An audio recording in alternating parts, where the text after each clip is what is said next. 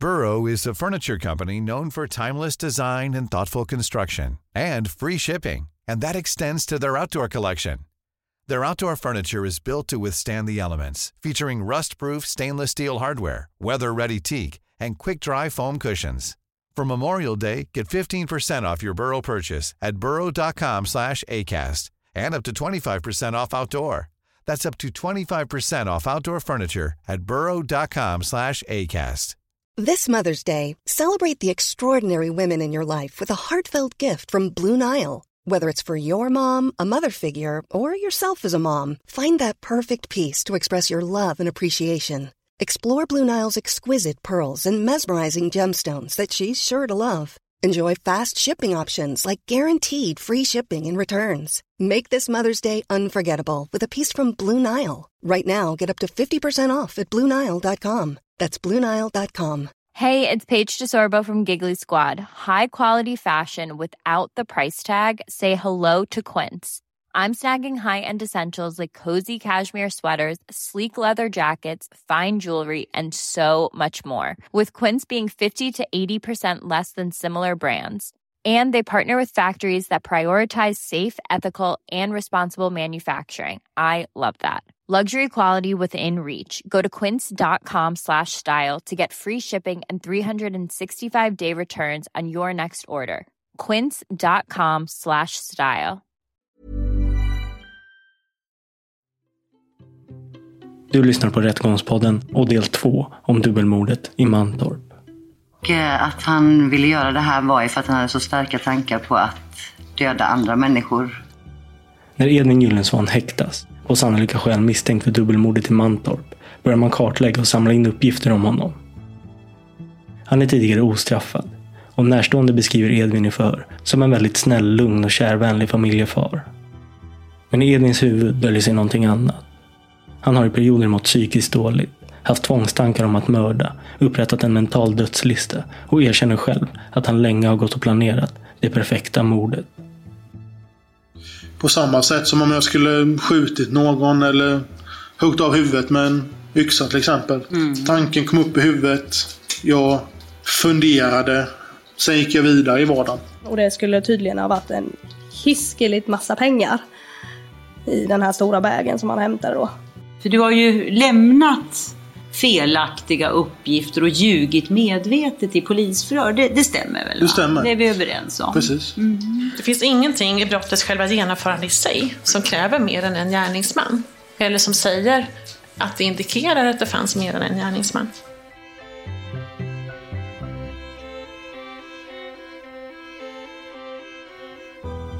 Och är det korrekt att just när han försvann från Jönköping och tog sig in på sjukhuset, då var inte ni tillsammans? Nej, det stämmer.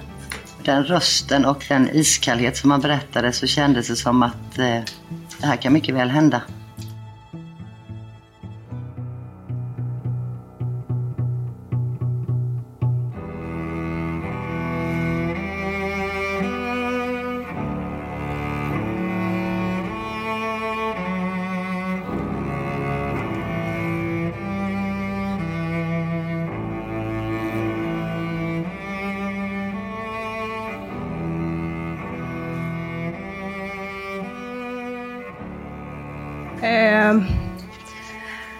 Har funderat länge på hur man ska börja. Men Mattias, själva namnet dök inte upp förrän eh, Edvin bestämde sig för att börja köra, agera chaufför åt den här mannen. Det är Edvin och hans försvarsadvokat som har kallat Edvins sambo som vittne. Den främsta anledningen till det är att höra vad hon vet om den mystiska personen som kallas Mattias, som Edvin påstår var med när de rånade Tor och Ann-Kristin. Innan det så har han eh, dykt upp snarare i att sälja ett eh, typ kolsyrepistoler, knivar etc. har han sålt till den här mannen innan. Sen så började det eskalera att han började agera chaufför åt honom. Körde honom från punkt A till punkt B. Som genererade några tusenlappar i ersättning. Ett tillfälle så har vi diskuterat hur gammal den här mannen var. Och Edvin har uppskattat då att han är mellan 30 till 35 år ungefär. Eh, annars så vet jag inte så jättemycket mer om personen i sig. Jag har aldrig träffat honom själv. Så. Edvin berättade om Mattias för sin sambo första gången för två, tre år sedan. Det stämmer tidsmässigt överens med vad en bekant till dem berättar. Han är också kallad till rätten av Edvins försvarare. Ja, det är inte jättemycket egentligen. Fick jag höra om honom för tre år sedan ungefär. Första gången. Har du fått reda på någonting om, om den här personen? Vad det är för typ av person? Vad han sysslar med eller liknande? Nej, inte som han har sagt. Utan det är väl mer att vad jag tänkt i sådana fall. Ja, vad har du tänkt då? Att det verkar inte vara någon, ja, hur ska man säga? Ja, det verkar inte vara en bra snubbe i alla fall. Nej, vad är det som gör att du tänker så? Jag vet inte, det kändes bara allmänt skumt. Åsikter om åklagaren fråga? Ja, tack. Eftersom de kallas till rätten av Edvins försvarare så ges såklart även åklagaren, Helene Gestrin, möjlighet att få ställa sina frågor. Du har inte träffat Mattias och inte sett någon kommunikation? Nej. Vad är det som gör att du tänker att han ändå finns? Ja. Ja men det är väl att man tror eller man tror. Man, jag måste ju tro på honom. Alltså det jag, har, jag ser ingen anledning till att han bara skulle ha åkt iväg och kört runt ett par timmar utan liksom något mål. Och sen just alltså pengarna. Han kommer alltid hem med pengarna som han har sagt att han ska få. Mm. Har du hört talas om att det har försvunnit pengar från några av Edvins tidigare arbetsplatser? En arbetsplats vet jag att det har försvunnit pengar ifrån. Mm. Det framkommer i polisens utredning att det försvunnit pengar från Edvins tidigare arbetsplatser. Edvin har jobbat som kock i fem år, med företagscatering ett tag och som kassapersonal på restaurang ett tag. Man misstänker att Edvin kan ha haft något att göra med att det vid vissa tillfällen försvunnit pengar från hans arbetsplatser. Och åklagaren frågar sambon om detta någon gång sammanfallit med ett uppdrag eller en så kallad körning med Mattias. Men det kan sambon inte svara på. Ekonomin, hur var det med det? Under våren och försommaren där? Det var som den brukade vara. Vi har inte en jättegod ekonomi skulle jag inte säga med tanke på att jag har en ganska låg mammapeng och vi lever ju mycket på att han jobbar, självklart. Men det är ingenting som jag har sett som ett sånt där jättestort problem. Edvins ekonomi är vid tiden då morden inträffade hårt ansträngd. Han hade då precis fått erbjudande om ett nytt jobb med bättre betalt än vad han är van vid. Men han hade vid den tiden inte hunnit börja på det jobbet än. Du var inte bekymrad för ekonomin, men hur var det för Edvins del? Jag tror inte han var så bekymrad i sig. Jag har inte uppfattat som att han tyckte att han var så orolig över den delen. Sen självklart så, vi knapade ju på varje månad. Självklart, men eh, inte så att jag tycker att han var överdrivet orolig över det. Mm. Du, du känner ju till att han tidigare haft en psykisk ohälsa. Precis. Under 2014-2016. Jajamän. Och är det korrekt att just när han försvann från Jönköping och togs in på sjukhuset, då var inte ni tillsammans? Nej, det stämmer. Eh, jo, men det var ju en psykisk sjukdom då. Under våren 2014 mår Edvin mycket dåligt och förhållandet med sambon tar slut. Det är Edvin som gör slut för att han är rädd för att han kommer skada henne. Edvin beskriver hur han kan få impulser och tankar om att skada och ibland till och med döda andra personer. Sen efter omkring tre månader då, jag var på väg till eh, jobbet. Så var det som en klar blixt från klar himmel ungefär att jag klarar inte av det här men jag kommer skada någon person nu snart. Så istället för att åka vidare till jobbet då så fortsatte jag bara köra. Hamnade i Göteborg. Där då så tog jag in på ett hotellrum och var allmänt förvirrad. Jag, och av de tre dagarna så har jag minne av kanske hälften av tiden ungefär. Under den tiden så har jag också haft hallucinationer. Saker jag hörde var också hallucinationer. Jag led ganska länge av just hörselhallu- hörselhallucinationer. Kort efter uppbrottet, i maj 2014, försvinner Edvin spårlöst. Hans föräldrar blir till slut så oroliga att de kontaktar Missing People. Och sen berättar han också att han eh, hade haft tankar på att döda sin... Han hade haft en flickvän tidigare. Och henne hade han ju slut med för att han också hade tankar på att döda henne. Ulrika var då administrativ chef för Missing People och tar emot anmälningen. Bland det första hon gör är att kontakta Edvin på hans Facebook. säger att han är sökt och han ska höra av sig. Och hon lämnar sitt nummer. Edvin har då tagit sig till Göteborg. Sitter ensam och förvirrad i ett hotellrum. Ganska omgående ringer han upp numret som Ulrika lämnat. Och det blir till ett långt och bisarrt samtal. Vad berättar han närmare om hur han mår? Han berättar att han mår väldigt dåligt och vill, eh, han vill hänga sig. Han eh, hade försökt flera gånger med både skärp och någon, någon kabel av något slag. Men misslyckats då och eh, att han ville göra det här var ju för att han hade så starka tankar på att döda andra människor. Eh, genom att hugga dem. Det var mycket blod, det skulle vara mycket blod och han låter väldigt alltså bestämd och arg. Väldigt mycket. Det är väldigt taktfast när han pratar. Edvin berättar att han har en så kallad mental dödslista i huvudet. Där han rankar personer som han helst vill döda.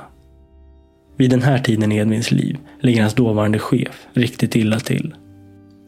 Eh, Edvin berättar att han har gått ganska länge med tankar om att döda och, eh, och hugga sin chef, men ångrat sig.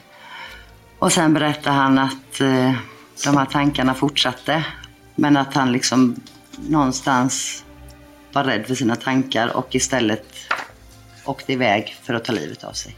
Mm. Du säger hugga. Eh, utvecklade han det någonting? Det var mycket om att hugga, det skulle vara blodigt. Eh, väldigt mycket med knivar framför allt. Att det skulle liksom huggas och skäras och ögon som skulle petas ut med sked och eh, stycka, skära av fingrar. Det var jättemycket som... Ja. Det var ganska mycket som var svårt att ta in. Mm. Framförallt när han pratade om Jonas så var det så mycket hat liksom i, i det han sa. Hur menar du då? Nej, men när han berättade hur han skulle döda Jonas Mm. så var han ju väldigt eh, kall och beräknande. Det lät som att han hade räknat ut hur han skulle göra det liksom och hade inget...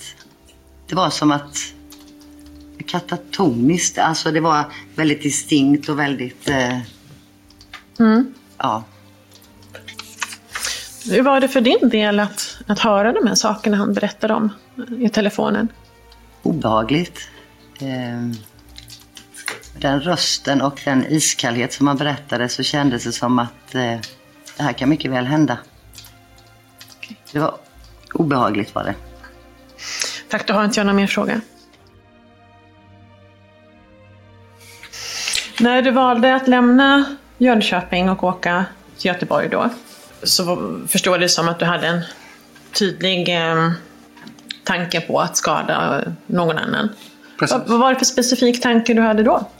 Det var inte en specifik tanke utan det var snarare ett behov av att orsaka någon skada. Och det behovet fick jag då i en... Den impulsen fick jag. Att jag, skulle, att jag behöver skada någon. Någon särskild eller? Nej. Utan det var bara en generell impuls om att nu måste jag skada någon.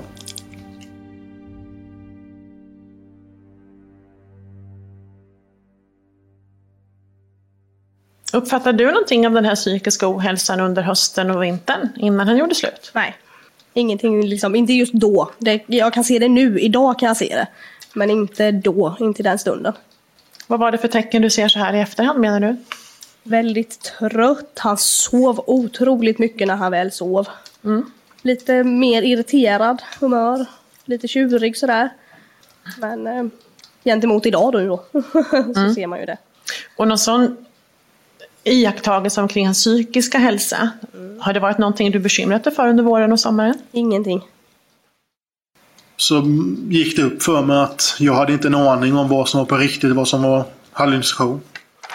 Efter att Ulrika från Missing People haft samtalet med Edvin är hon orolig över hans psykiska hälsa och ringer till polisen som kommer till hotellet i Göteborg och hämtar upp honom. Han får då hjälp och hamnar först på psyket i Göteborg för att sen förflyttas till Jönköping. Vid olika tillfällen så var det vad jag beskrev som massiva mängder mediciner. jag var lite av ett unikum skulle man kunna säga. För det fanns ingen klar sjukdomsbild på mig förrän ganska sent under behandlingen.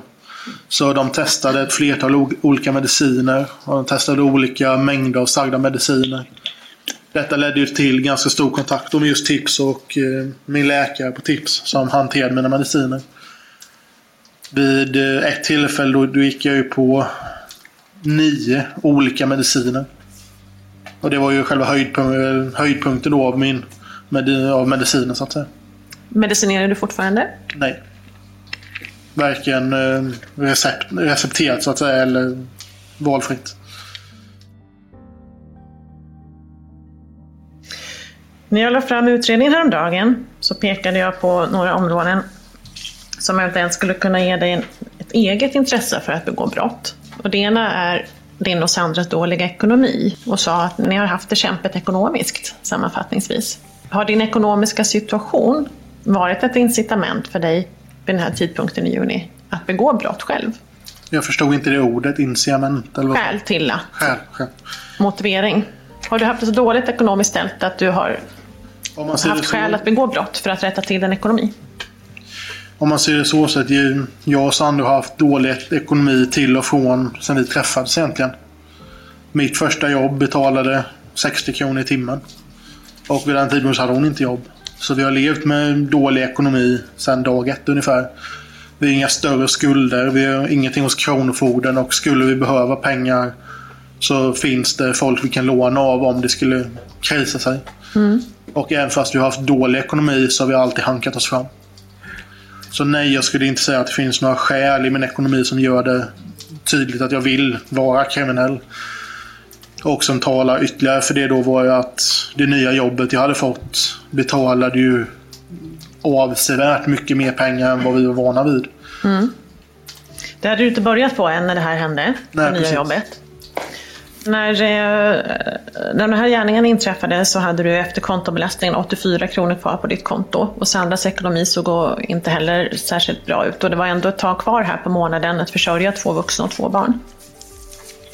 Det stämmer, men samtidigt så är vi också sådana personer att även fast vi har då 84 kronor på kontot så kanske vi har åtta burkar då som räcker till mat till ungarna i fem veckor till exempel. Vi är personer som istället då för att sprida ut våra utgifter över en hel månad, det snarare att vi köper på oss det vi behöver i början av månaden. Och sen då anpassar våra livsstilar och liknande efter allt eftersom tiden går.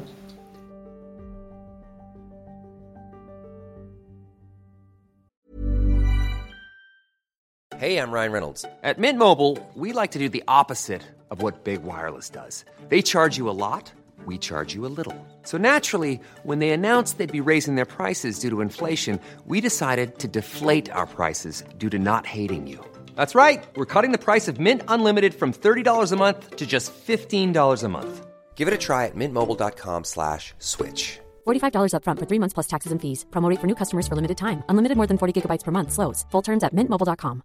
Everyone knows therapy is great for solving problems, but getting therapy has its own problems too, like finding the right therapist, fitting into their schedule, and of course, the cost. Well, BetterHelp can solve those problems. It's totally online and built around your schedule. It's surprisingly affordable too.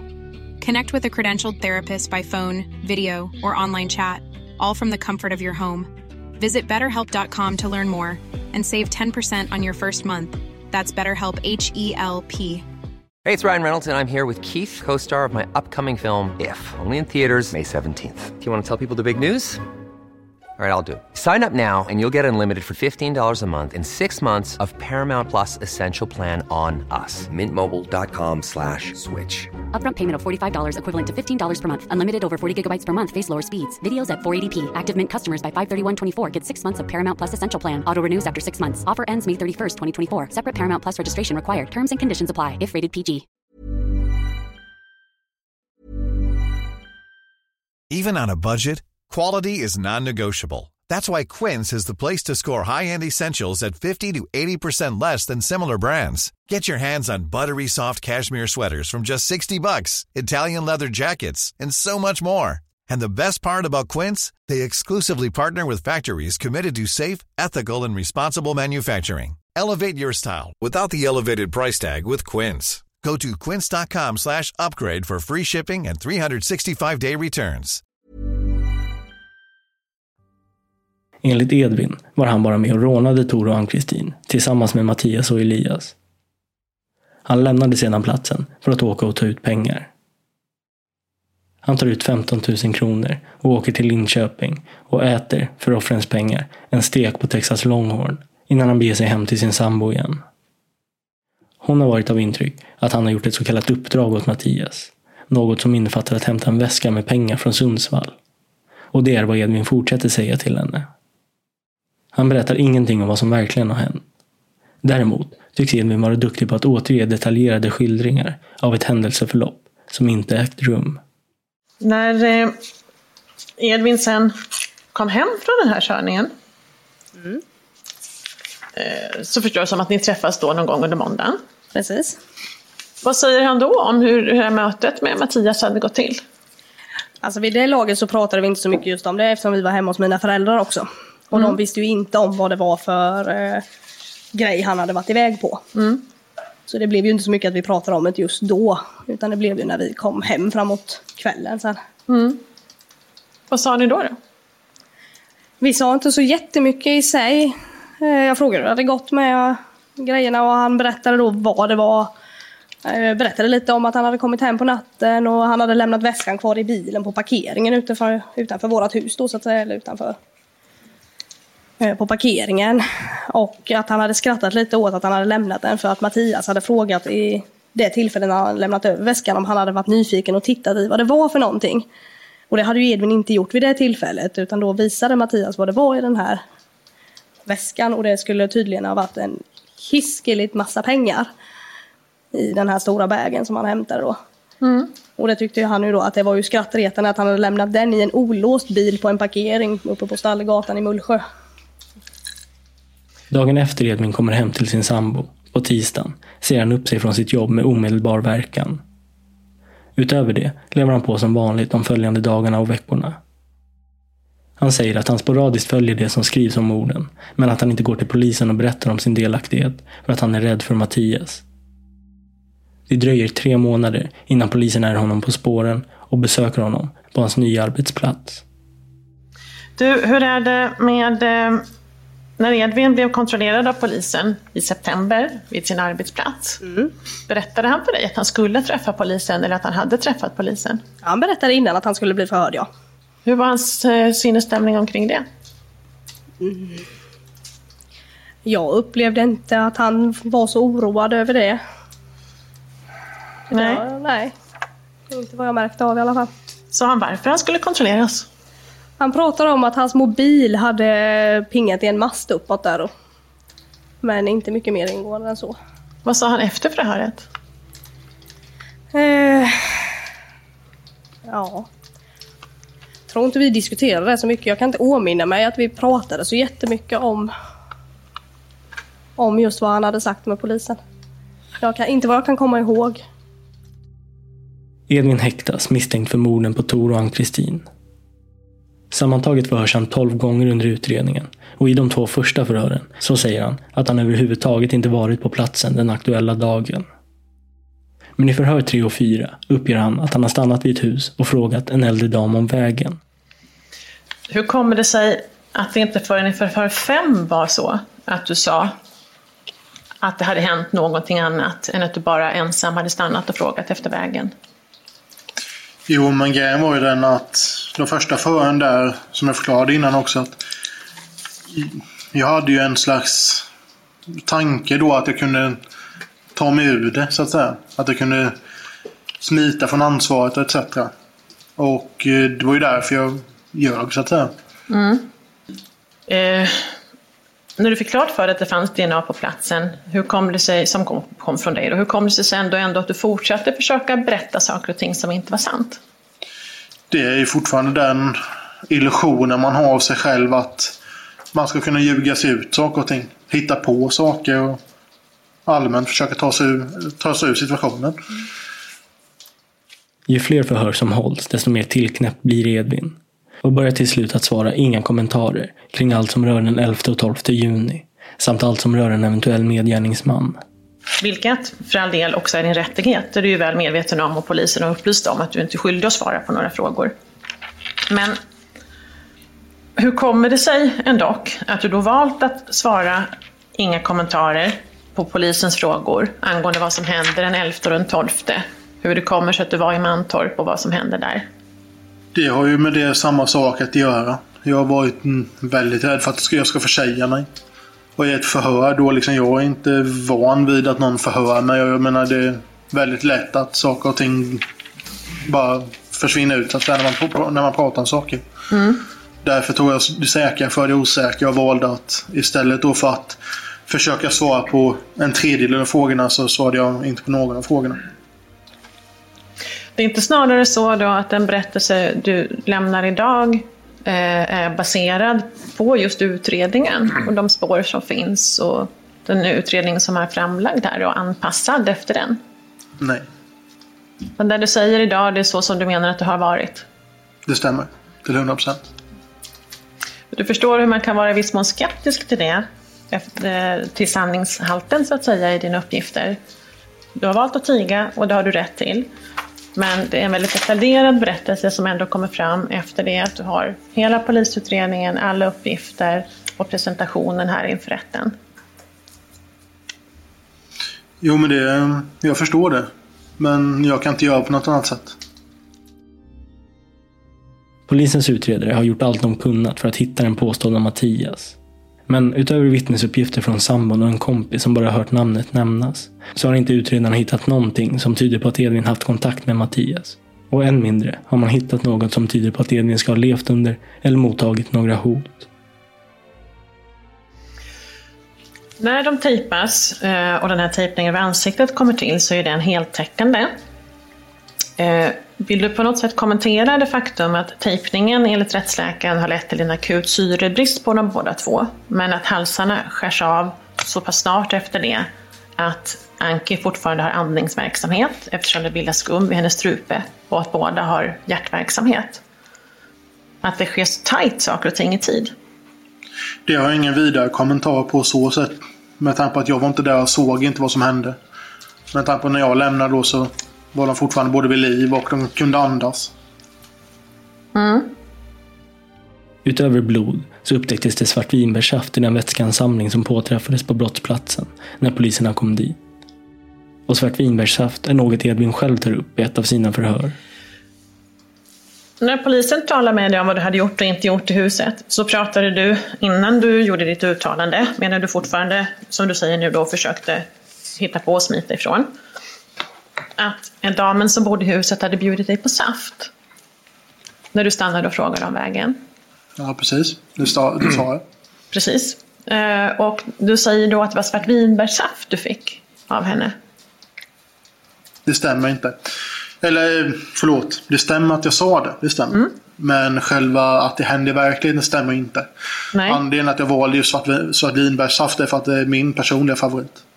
Mm. Och det var den som dök upp fortast. Är det så att du eh, visste att en eh, flaska svartvinbärssaft låg här vid kropparna? Nej, jag hade sagt att det är snarare en, en slump helt enkelt. För jag hade inga ytterligare motiv i varför jag sa det och jag hade ingen tanke bakom det heller utan jag sa bara min favoritsaft. Vill du kommentera någonting om eh, frånvaron av spår efter någon annan än dig på den här platsen? Som jag redogjorde för häromdagen så har man kunnat hitta spår, fingeravtryck och DNA som leder till dig. Eh, och sen har man hittat de här skospåren som matchar relativt väl med dina skor. Du har förklarat hur det kommer sig att ditt DNA, dina fingeravtryck och de här skoavtrycken finns på platsen. Men när det gäller brottets genomförande i sig så har ju polisen inte kunnat hitta några egentligen andra spår. Vill du kommentera det på något sätt, frånvaron av andra spår? Den enda kommentaren jag har på det är att jag har ingen aning varför det inte finns några fler spår. Eller liksom, jag kan inte kommentera avsaknad av spår heller. Utan för mig så verkar det som att det känns lustigt att det inte finns några mer spår. Men samtidigt inte en omöjlighet. Men Hur jag tänker ingen, du då? Jag, jag har ingen aning om varför. Okej. Du, nu har du talat eh, här om hur det har varit med din psykiska ohälsa och de här tankarna du haft om att döda och skada. Och så sitter vi här och pratar om att Tor och Anki har blivit dödade eh, med kniv och efter ett övergrepp i deras hem. Den enda kommentaren jag egentligen har på det, det är att förra gången jag ens... Förra gången jag trodde att jag hade skadat någon så försökte ta livet av mig. Och i ärlighetens namn hade jag gjort det som folk tror att jag har gjort. Så hade ju resultatet av det inte blivit att jag går och käkar en stek på Texas Longhorn. Och sen återvänder hem och ingen låtsas som att ingenting har hänt. Utan det, jag är ändå en man med ganska starka moraliska principer och jag vill inte skada människor. Har aldrig velat heller.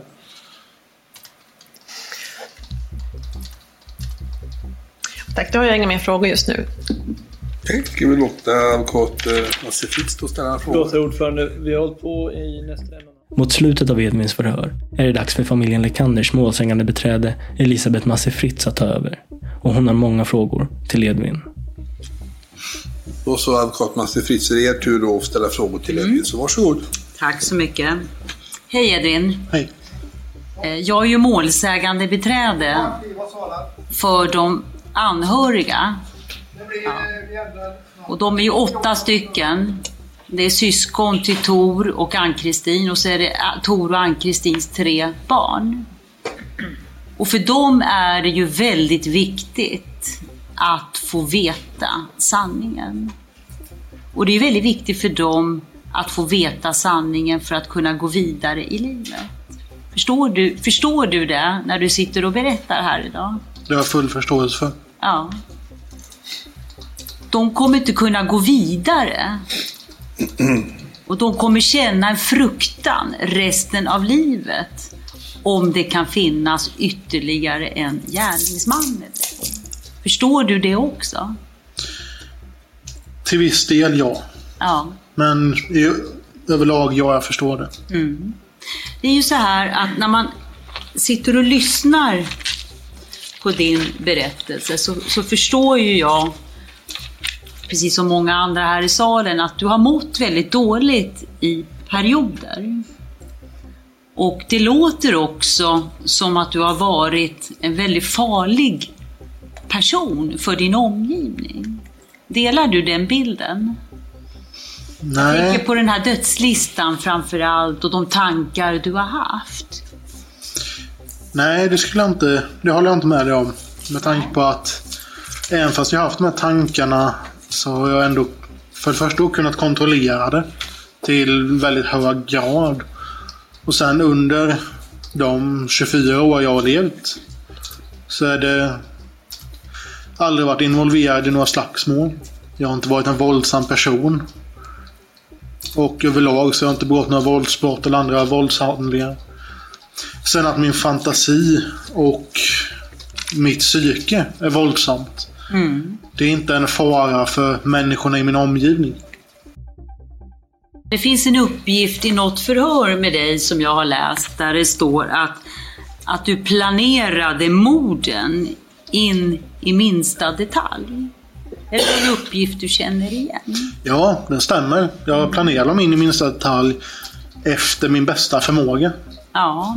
Fanns det någon gång i de här planerna tankar på att skära av halsen på någon med en kniv exempelvis? Ja, det fanns det. Det fanns det. det Berätta lite om de tankarna. på samma sätt som om jag skulle skjutit någon eller huggit av huvudet med en yxa till exempel. Mm. Tanken kom upp i huvudet. Jag funderade. Kom på hur jag skulle göra det med, alltså med vilket vapen då. Sen gick jag vidare i vardagen. Mm. Mm. Så det fanns ingen särskild vikt då vid att använda just kniv. Det fanns ingen särskild betydelse i det utan det var bara ett av alla vapnen som fanns i min fantasi. Mm. Men jag vill också hoppa till eh, den här, det här temat med att eh, du verkar vara väldigt duktig på att ljuga och fara med osanning. Så uppfattar jag dig i dina svar idag. Att, för du har ju lämnat felaktiga uppgifter och ljugit medvetet i polisförhör. Det, det stämmer väl? Det va? stämmer. Det är vi överens om. Precis. Nej, alltså det är svårt att förklara men jag har aldrig varit någon bra lögnare överlag. Jag är väldigt dålig på att ljuga, speciellt under press. Som det märks i många av mina förhör och frågor som jag har fått att det är förhastade svar som är tagna ur luften. Och det kan jag inte förklara på något annat vis än att det är för att nöden har krävt det så att säga. Mm. Men du ljög för att komma undan och Precis. för att kunna slippa bli fortsatt misstänkt för de här morden. Ja, alltså det är överlag att bli... var Att jag skulle verka oskyldig för alla brott de misstänkte mig för. Mm. Vad det nu än kunde vara. Elisabeth vill att Edvin förklarar hur det kommer sig att han kan leva så som ingenting har hänt efter det han har varit med om. Men berätta för mig hur du har kunnat lyckas vara med om den här tejpningen, åka till bankomaten och ändå inte berätta någonting för din sambo, din närmaste släkting som du bor med varje dag. Hur har du kunnat ens undvika Det, uppdagas med det här som du har gjort? om man säger så, svaret finns i din fråga. Sandra är den viktigaste personen, en av de viktigaste personerna i mitt liv. Skulle jag komma hem till henne och säga att det fanns en hotbild mot henne och mot barnen. Så hade jag inte bara... Resultatet av det hade varit ödesdigert.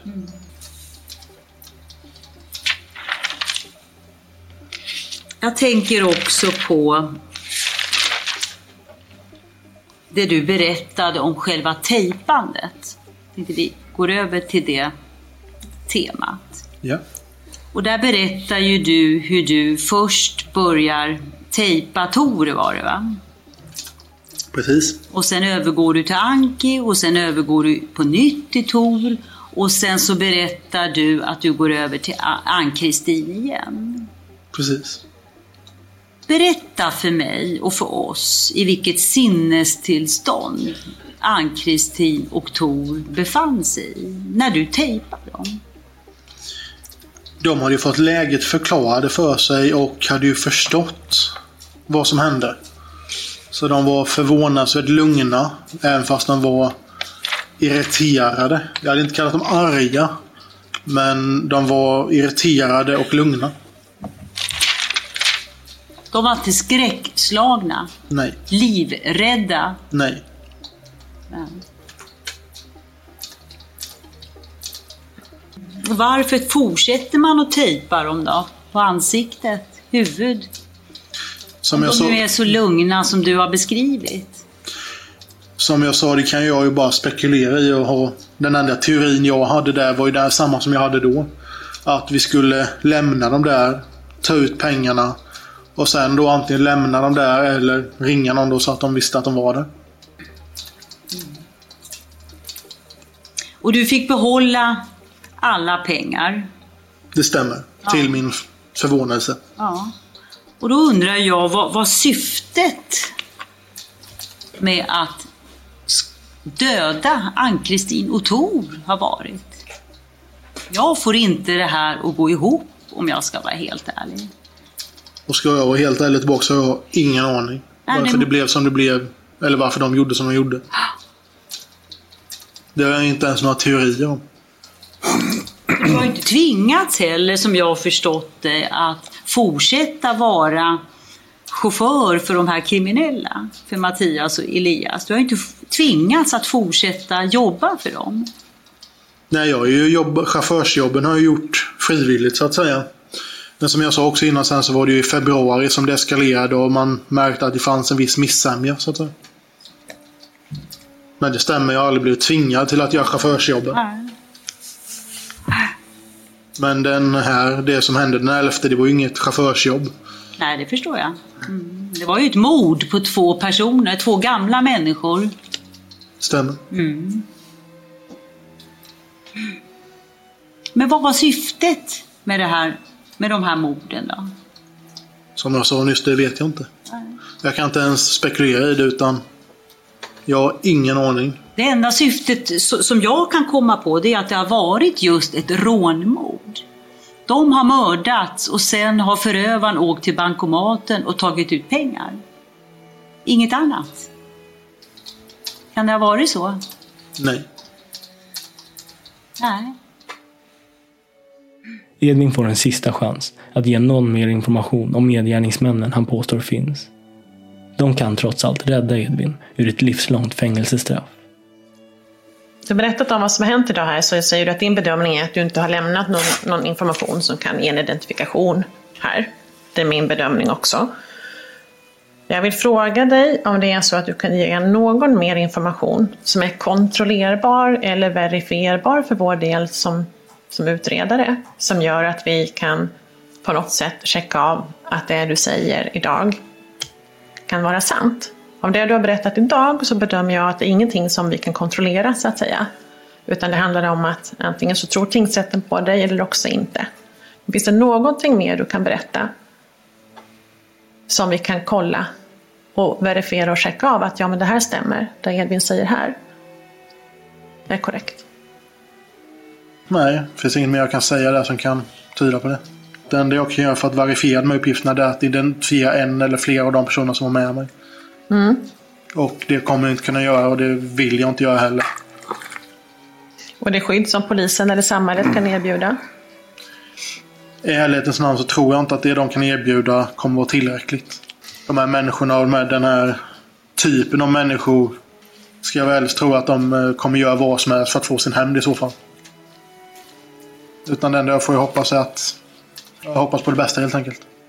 Den 7 mars 2018 avslutas rättegången i Linköpings tingsrätt och åklagaren Helene Gestrin håller sin slutplädering. Det finns ingenting i brottets själva genomförande i sig som kräver mer än en gärningsman. Eller som säger att det indikerar att det fanns mer än en gärningsman.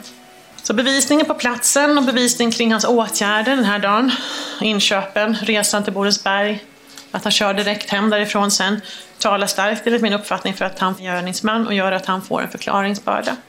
Och när man då går över till att titta på hans förklaringar och studerar hur väl han kan fylla sin förklaringsbörda så går det ju inte att bortse från att de här förklaringarna kommer först efter det att han har haft tillgång till förundersökningen i helhet eh, under en och en halv, två månader och att efter det att han har hört sakframställningen.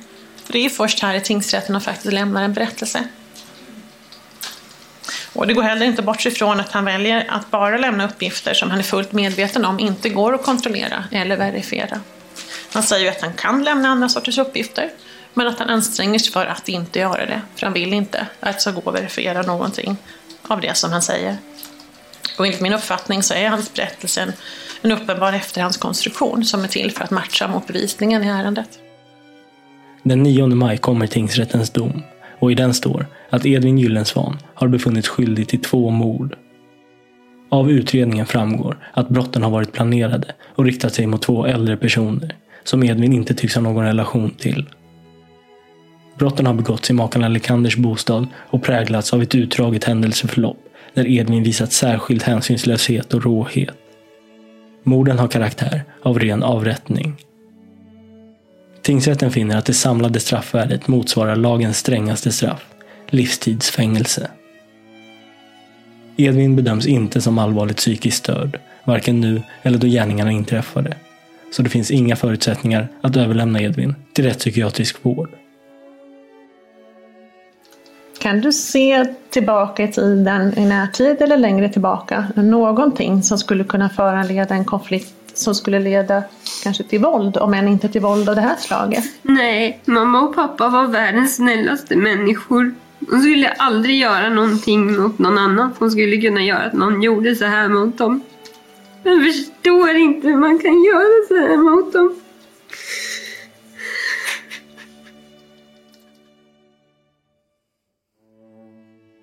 Du har lyssnat på Rättegångspodden om dubbelmordet i Mantorp. Mitt namn är Nils Bergman och ansvarig utgivare är Jonas Häger. Stort tack för att ni har lyssnat.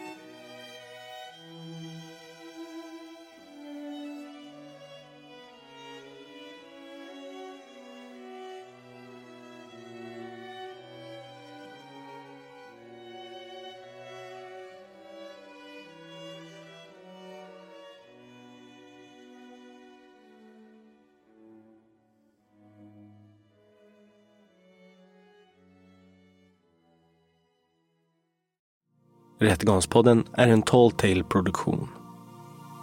Ansvarig utgivare är Jonas Häger. Och Rättegångspodden görs i samarbete med Lexbase. Ange rabattkoden Rättegångspodden när du blir ny betalande medlem på lexbase.se och få tre kostnadsfria domar.